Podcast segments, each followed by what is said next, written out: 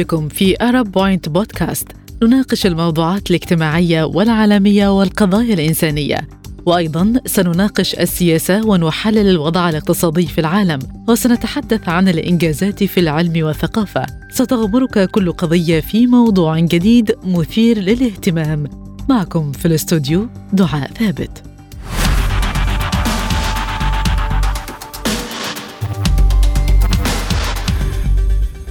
مستمعينا الكرام يا ترى بنقضي وقت قد إيه على منصات التواصل الاجتماعي؟ وهل شايفين إن المدة اللي بنقضيها عادية ولا لأ؟ وهل ده بيأثر علينا ولأي درجة؟ الحقيقة إن في اتهامات لشبكات التواصل الاجتماعي إنها بتأثر سلباً على الصحة العقلية للمستخدمين الشباب. ففي مدينة سياتل الأمريكية قدم مسؤولون عن مدارس عامة دعوة قضائية ضد منصات التواصل ومن بينها شركة ميتا اللي هي فيسبوك ومنصاتها وتيك توك المملوكة لشركة بايت دانس الصينية وجوجل التابعة لشركة ألفابت طبعا هما في الدعوة دي بيحملوا المنصات المسؤولية عن الضرر اللي تسببت فيه على الصحة الاجتماعية والعاطفية والعقلية للطلبة. واستندوا على دراسات وبحوث توصلت لأن الشبكات الاجتماعية بتأدي دور رئيسي في ظهور مشكلات في الصحة العقلية لدى الشباب.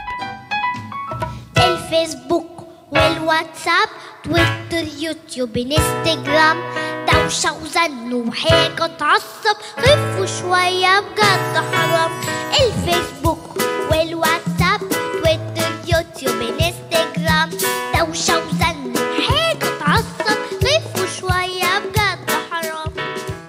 إذا كنا بنستخدم وسائل التواصل الاجتماعي كوسيلة للتواصل مع العائلة أو لقضاء وقت الفراغ أو لمشاهدة الفيديوهات كنوع من التسلية إلا أن شعبية التسلية دي زادت بشكل كبير خلال السنوات الماضية عند الأطفال والمراهقين والبالغين وبدأت تتحول لإدمان زي الأنواع الأخرى من الإدمان السلوكي وبدأت تشكل ضرر على العقل والصحة النفسية بشكل قهري ومفرط. وبالرغم من سلبيات وسائل التواصل إلا أن البعض بيعتقد أن وسائل التواصل الاجتماعي بتساعد على الاسترخاء وعدم الشعور بالوحدة. والدليل على كده أن استخدامها ازداد جدا خلال فترات جائحة كورونا بشكل كبير لتعويض عدم اللقاء بالأهل والأصدقاء.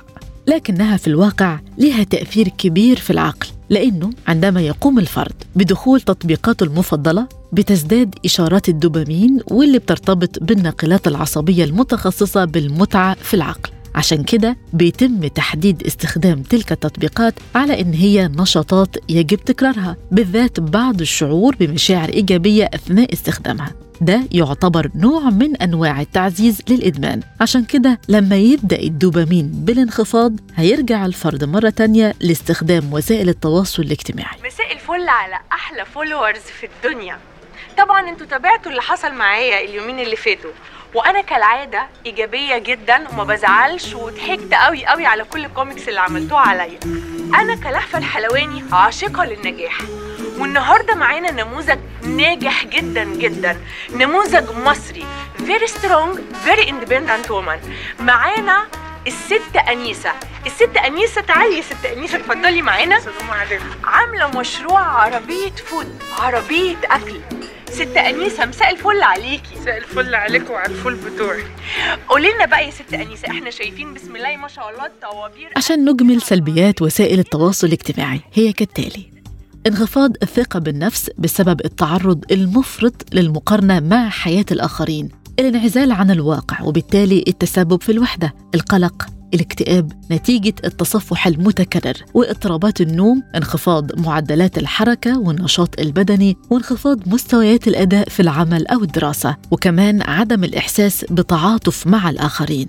باحثون في مجال الصحة النفسية قالوا إن استخدام وسائل التواصل الاجتماعي ممكن يخرج عن السيطرة ويصل لحد الإدمان خاصة لدى المراهقين وده يوجب الخضوع للعلاج النفسي. أنا ماليش account على الفيسبوك اسمع من مكي. خلوا بالكم من اللي بيعمل فيسبوك انه فيسبوكي. حاول تحلق له تنفض له فكك منه أو فكي. مهما قال لك واحلف لك وابعت لك سكو أو سكي. أنا ماليش account على الفيسبوك اسمع من مكي. خلوا بالكم من اللي بيعمل فيسبوك انه فيسبوكي. حاول تحلق له تنفض له فكك منه أو فكي. مهما قال لك واحلف لك وابعت لك سكو أو سكي.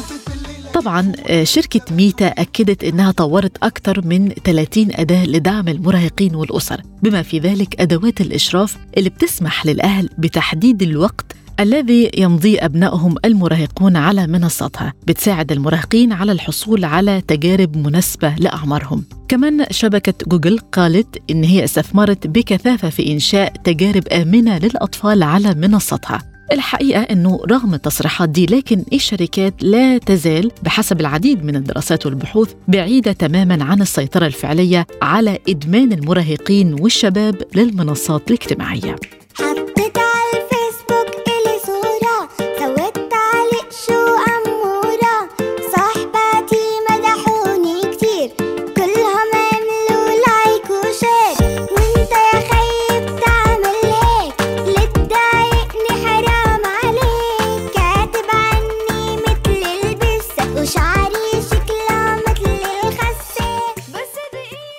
إيه هي أسباب إدمان وسائل التواصل؟ الأطباء بيقولوا إن الإدمان ممكن يكون بسبب مشاكل أسرية واجتماعية وقلة الإحساس بقيمة الذات وده بيدفع المرء للغوص في العالم الافتراضي علماء النفس بيشيروا إلى أن بعض المراهقين بيستخدموا وسائل التواصل لسد الفراغات العاطفية داخلهم لكن بعض الباحثين شايفين أن أسباب إدمان المواقع الاجتماعية غير معلومة على وجه الدقة حتى الآن وتوصل فريق من الباحثين في جامعة باث في المملكة المتحدة في العام الماضي إلى أن التوقف عن استخدام وسائل التواصل الاجتماعي لمدة أسبوع واحد فقط هيؤدي لتحسن كبير في الصحة وانحصار القلق والاكتئاب. إزاي نقلل من استخدام وسائل التواصل الاجتماعي؟ أولاً حذف الوسائل من الهاتف الشخصي واستخدامها من جهاز الحاسوب وده بيساعد على تقليل الوقت المستخدم تخصيص أوقات معينة لاستخدام وسائل التواصل الاجتماعي ووضع الهاتف خارج غرفة النوم ممارسة هواية جديدة بعيدا عن التكنولوجيا زي الرياضة الفنون الطبخ. ونجعل رؤية العائلة والأصدقاء من أولوياتنا. اتكلمنا مع المتخصص في الأمراض النفسية الدكتور جلال شربة عن إدمان وسائل التواصل الاجتماعي وتأثيرها على الصحة النفسية.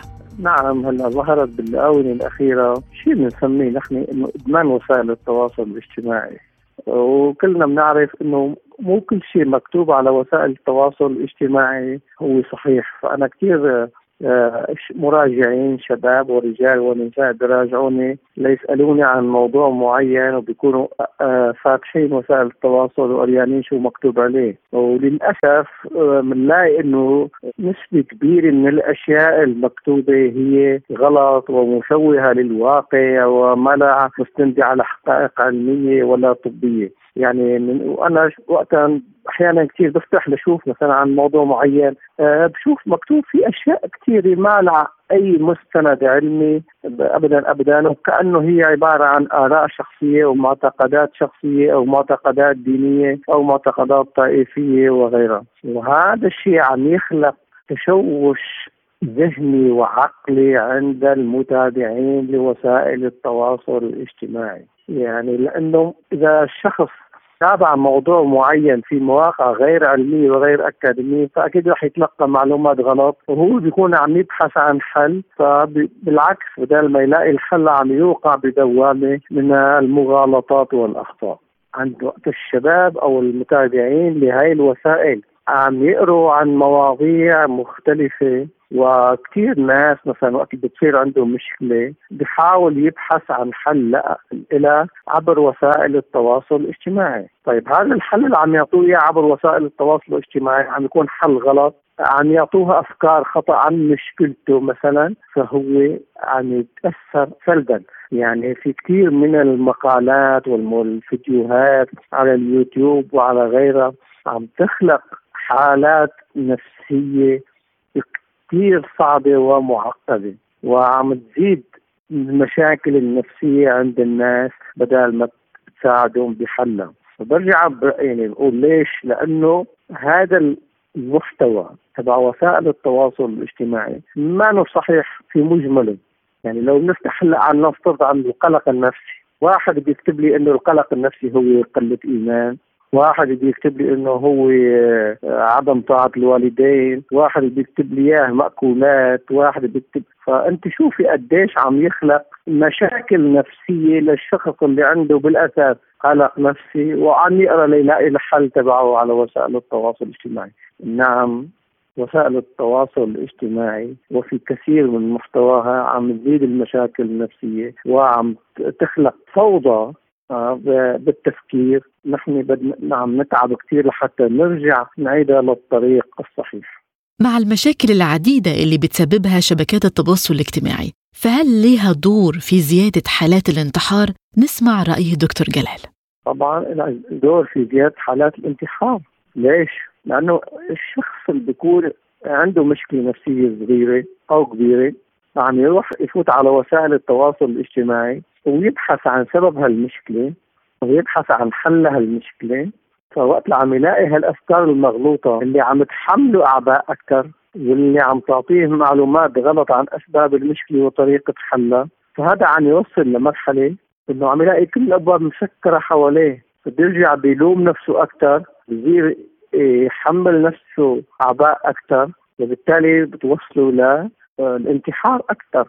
يعني بتزيد نسبة الانتحار أكثر بكثير، ليش؟ لأنه هلأ وقت الشخص ما بيجي لعندي طبيب بيشرح لي مشكلته أنا بتفهمه بخليه يفرغ صح بشرح له الأفكار المغلوطة اللي هو عم يفكر فيها وبعطيه علاج. أما وقت اللي عم يفوت يتفرج لي على فيديوهات ناس شيء بيعطوه مثل ما قلنا أكل شيء بيعطوه شغلات دينية شيء غيرها. فهذا الشيء عم يزود المشكلة عنده وبيوصله لمرحله الانتحار. برجع بقول للأسف أنا صار بكتب بوست نفسي كل العالم بتلاقين عم يعطوا آراء وأفكار. ما هي الشغلة علمية؟ فأنت صارت عم تعطي آرائك اللي ما لها علاقة بالطب ولا لها علاقة بالعلم، أنت عم تلوم الشخص وعم شيء عم تقول له أنت مانك مؤمن، شيء أنت لأنك ما بتصلي، شيء لأنك أنت ما أخذت طريق معين، فأنت عمليا عم عم تأذوه نفسيا وعم تخليه يوصل للانتحار وأخيرا إزاي نقدر نواجه هذا النوع من الإدمان اللي بيستهدف فئة مهمة جدا بتشكل مستقبلنا؟ هلا نحن ما فينا نواجه أي شيء إلا بنشر الثقافة الصحيحة، إلا بنشر الأفكار الصحيحة، إلا بنشر الكتابات والبوستات العلمية الصحيحة على نفس ما نقدر نشد الناس لياخذوا الكلام الصحيح من نحن نحن من المواقع الأكاديمية من الناس الأخصائيين حتى يرجعوا يعرفوا شو هو الصح وكيف ممكن يتوجهوا بحياتهم بدل ما يمشوا بالطريقة الخطأ، يعني بدنا نحارب الفكرة بالفكرة، ما في عندنا حل غير محاربة الفكرة بالفكرة، محاربة المقال الغلط بالمقال الصح، محاربة الأفكار والدعايات المغرضة اللي بتأثر على حياة الناس وبتدمر حياتهم. بنشر الوعي وفضح هذه المواقع الكاذبة اللي أغلبها تجارية وبتشتغل الناس تشتغل ظروفهم وأحيانا بتبتزهم ماديا أيضا. نحن واجبنا نحن ما ما في حل عنا إلا نحن نشكل فرق عمل ونحن نشتغل أكثر وأكثر لحتى يصير صوتنا هو الغالب على صوت الناس يلي عم يخربوا المجتمع يلي عم يضللوا المجتمع يلي عم يستغلوا الشباب يلي عم يحاولوا يتاجروا بعقول الشباب. لأنه هذا فضاء مفتوح. هو عبارة عن ساحة معركة بيننا وبين بين الصح بين الغلط دائما. هاي الحياة.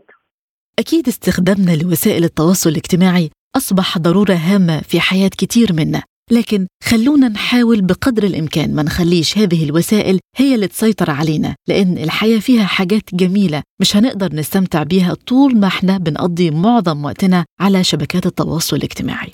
بشكر ضيفي لحلقة اليوم الدكتور جلال شربة المتخصص في الأمراض النفسية. الشكر موصول ليكم مستمعينا الكرام. وبكده خلصت حلقة اليوم من Arab Point بودكاست اشترك اعمل لايك واكتب تعليق.